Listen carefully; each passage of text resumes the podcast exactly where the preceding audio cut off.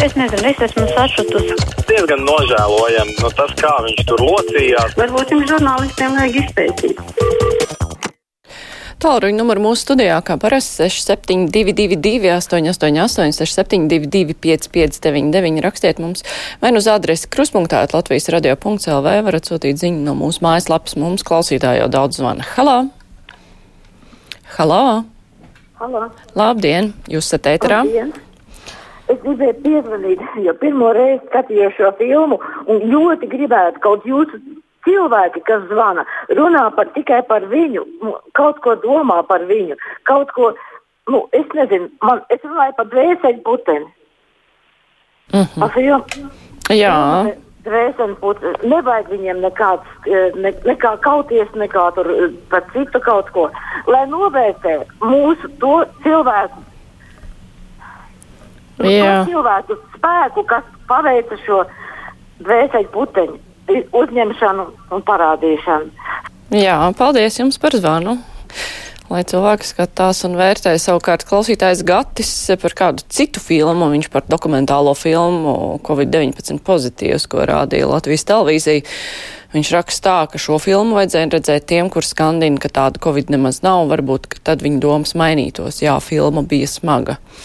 Es nezinu, vai mainītos, jo ir cilvēki, kur noliedz Covid. Viņi noliedz arī tā, ka rādīja pavasarī kadrus no Itālijas, Spānijas slimnīcām, kur bija briesmīgas ainas. Un viņi tāpat teica, ka tas viss ir viltots, ka tā nemaz nav. Janka raksta, mazliet kaitina optimistiskie paziņojumi, ka tik un tik procentu uzņēmumu jau pielāgojušies, mēs tikām cauri pavasarī labāk nekā bija gaidīts, gan jau būs labi. Ziniet, mēs vēl nezinām, kā būs, raksta klausītājs. Banka ekonomisti jau tiks cauri ar veselādu, jo bankas pelnīs no katras kustības. Mm, būs pan, ir pandēmija vai nav, atlaižu nekādu, bet ir kaudze nozaru, kuras neizvilks vairākus mēnešus dīkstāvis. Tagad vēl no valdības puses nebija plāna, kas notiek situācijā A, kas notiek situācijā B, un tā tālāk pēkšņi pieņēma ierobežojums un viss. Uzņēmēji, protams, paši varēja gatavoties, bet tas ir saknē greizi, ka uzņēmēji kaut ko uz savu galvu prognozē, kas viņiem arī kaut ko maksā, bet valdība vispār nesaka, uz ko orientēties. Tā mums raksta klausītājs. Ilza raksta, vai tomēr ārkārtējā situācija un ārkārtas stāvoklis ir pilnīgi viens un tas pats, šķiet arī žurnālisti jaudz šos jēdzienus, kā tas ir no satversmes un juridiskā viedokļa. Nu, ir atšķirības, jā, kas ir ārkārtas stāvoklis, jo hm, tas ir kaut kas jau līdzīgs arī karstāvoklim, ārkārtējā situācija. Bet tāpēc arī uh, visur mēdījos raksta ārkārtējā situācija. Bet īstenībā jā, kaut kādu formulējumu darētu precīzāku, lai cilvēkiem ir skaidrs. Māja raksta, sveiki, interesanti, vai par Trumpa cīņu pret netaisnīgām vēlēšanām un Baidenu uzvaru Latvijas Radio 1 un Latvijas televīzija stāstīs katru dienu, tāpat kā Tihanovskas cīņu pret Lukašenko.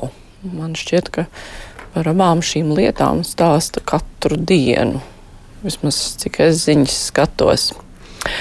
Tā Ivo raksta, ka Latvijas radio par akcijām veidotais cikls ir salīdzināms ar darbarīku, ko iedod plašai publikai rokā, bet neapmāca, kā ar to rīkoties. Arī Svetbanka iedod maziem uzņēmumiem bezmaksas grāmatvedību, bet neapmāca, kā ar to strādāt. Īstenībā ļoti būtisks aizrādījums.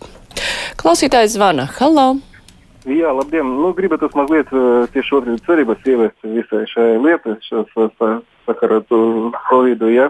Redziet, nu, ja mēs iedomājamies, ka, nu, piemēram, tauta kopumā ir kaķene, bet uh, valsts ir saimnieks, tad uh, kā tu gribi, bet kaķene neies tur, kur saimnieks ir. Bet var, var mazliet, tu pateikšu, ko es gribu teikt, var, var mazliet saimnieks uh, tautas ieradumus, piemēram, ar to pašu ēdināšanu. Es jau sen biju, piemēram, iemīļotākais konditoris teicis, vai jūs par lodzi parūpēsties, kad laiks atnāks un tā tālāk. Otrakārt, tagad atnāks augsti laiki. Tad, tas nozīmē, ka var atļaut uh, mazliet verandiņas taisīt ar diviem, trim galdiņiem pie, pie, pie tās pašas konditorijas vai bulciņu tirgotājus vai vēl kaut ko tādu. Ja? Tā, tāda ziņa, ka ja mēs kopā meklēsim uztveru par visu kā spēli, ja, ka mums tikai kopējais ienaidnieks nav nekāds valsts nav ienaidnieks, tauta valstī arī nav ienaidnieks. Vienkārši jāmana ierunas. Un galvenais, skatieties, ja tomēr visas konditorijas un ēšanas uh, uzņēmumi cīnīsies par katru klientu, bērnu, nezinu, par, par jebkuru.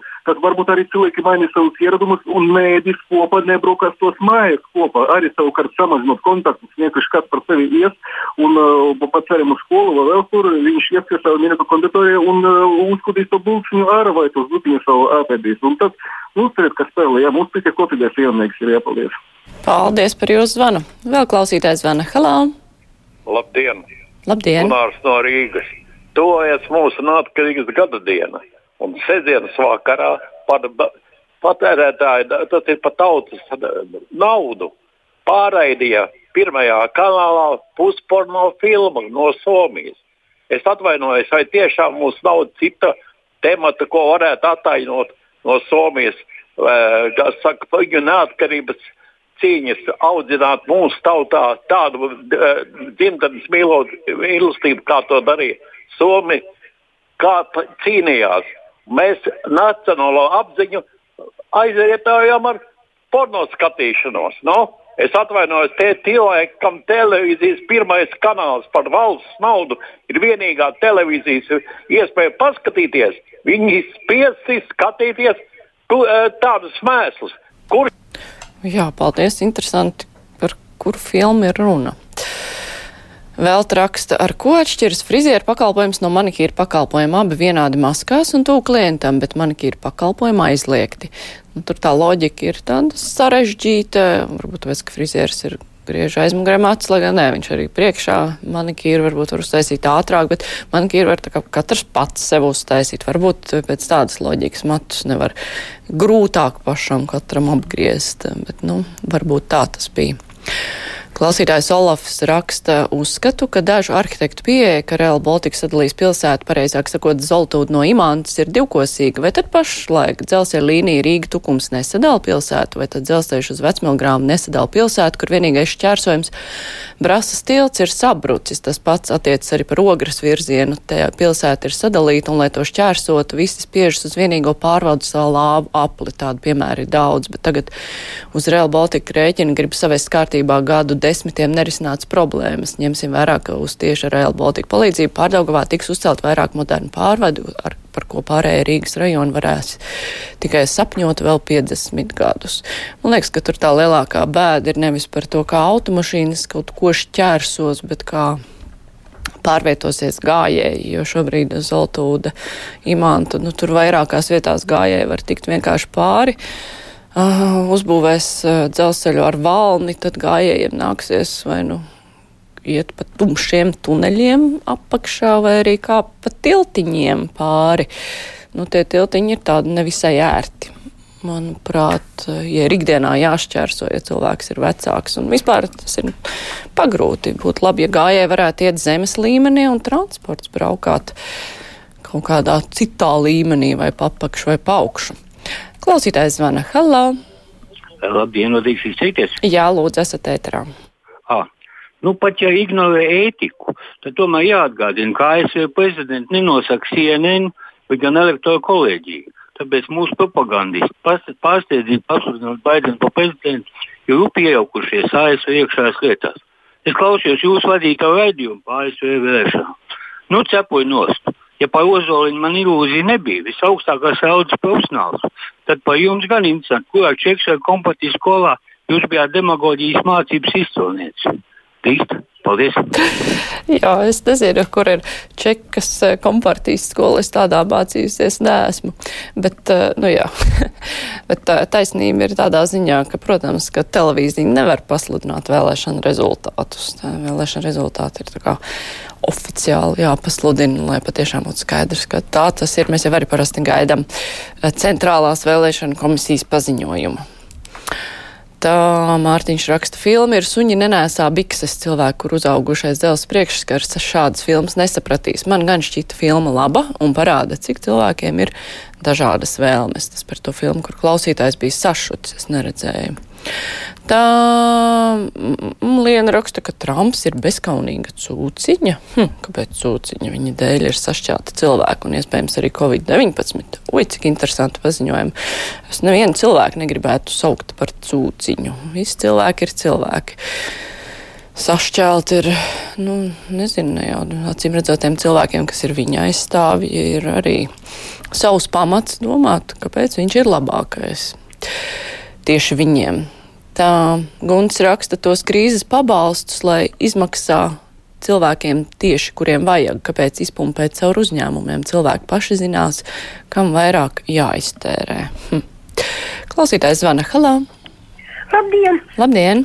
Atļausiet, lūdzu, man ātri varbūt pateikt. Jā, jūs varat jau teikt šai brīdī. Esat ēterā. Jā, es varu runāt? Jā, jā, jā. Jā, labdien, Māras kundze. Man ir jautājums un lūgums žurnālistiem. Lūdzu, lūdzu, palīdziet, kur pazudat 50, 50 tūkstoši sejas masku. 5. oktobrī valdības ārkārtas sēdē par koronavīrusa ierobežošanu tika lemts, ka sejas aizsargmaskas obligāti jānēsā. Un tad bija arī debates, ka ne visi cilvēki dzīvo labklājībā un ka ne visiem cilvēkiem ir ienākumi, un ka visiem, un, un ka ne visiem ir ienākumi, kuri ir augstāki par iztikas, ka ir zem iztikas minimuma ienākumi. Un šī paša 5. oktobra vakarā televīzijā pirmajā kanālā Rīgas labklājības departamenta vadītāja Konrāde kameras priekšā paziņoja, ka mums ir 50 tūkstoši sejas masku un ka tuvāko dienu laikā masturīgie rīznieki šīs maskas saņems. Kad tuvākās dienas pagāja, pienāca tālāk, kas painteresējos. Man atbildēja, ko jūs vēl taču vajadzīgs iepirkums, vēl ir vajadzīga nauda un tā tālāk. Un pagājušajā nedēļā, kad bija jau mēnesis pagājis, es atkārtot, atkārtot interesējos, un man atbildēja, ka tas varētu būt pēc mēneša. Jā, paldies. Tas ir temats, jā, kur varētu painteresēties žurnālisti plašāk. Par manikīriem, ja starp meistaru klientu uzliek stikla sienu, rokas izbāz pa šī stikla, caur stikla, kāpēc nevar strādāt pilnīgi oficiāli? Sap citu, jā, ir jāmeklē droši vien risinājumi tomēr, lai cilvēki varētu strādāt, lai ievērotu epidemioloģisko drošību un darbu varētu turpināt. Bet brīvais mikrofons ar to izskan, tagad būs ziņas, pēc tam runāsim par Real Baltica projektu virzību.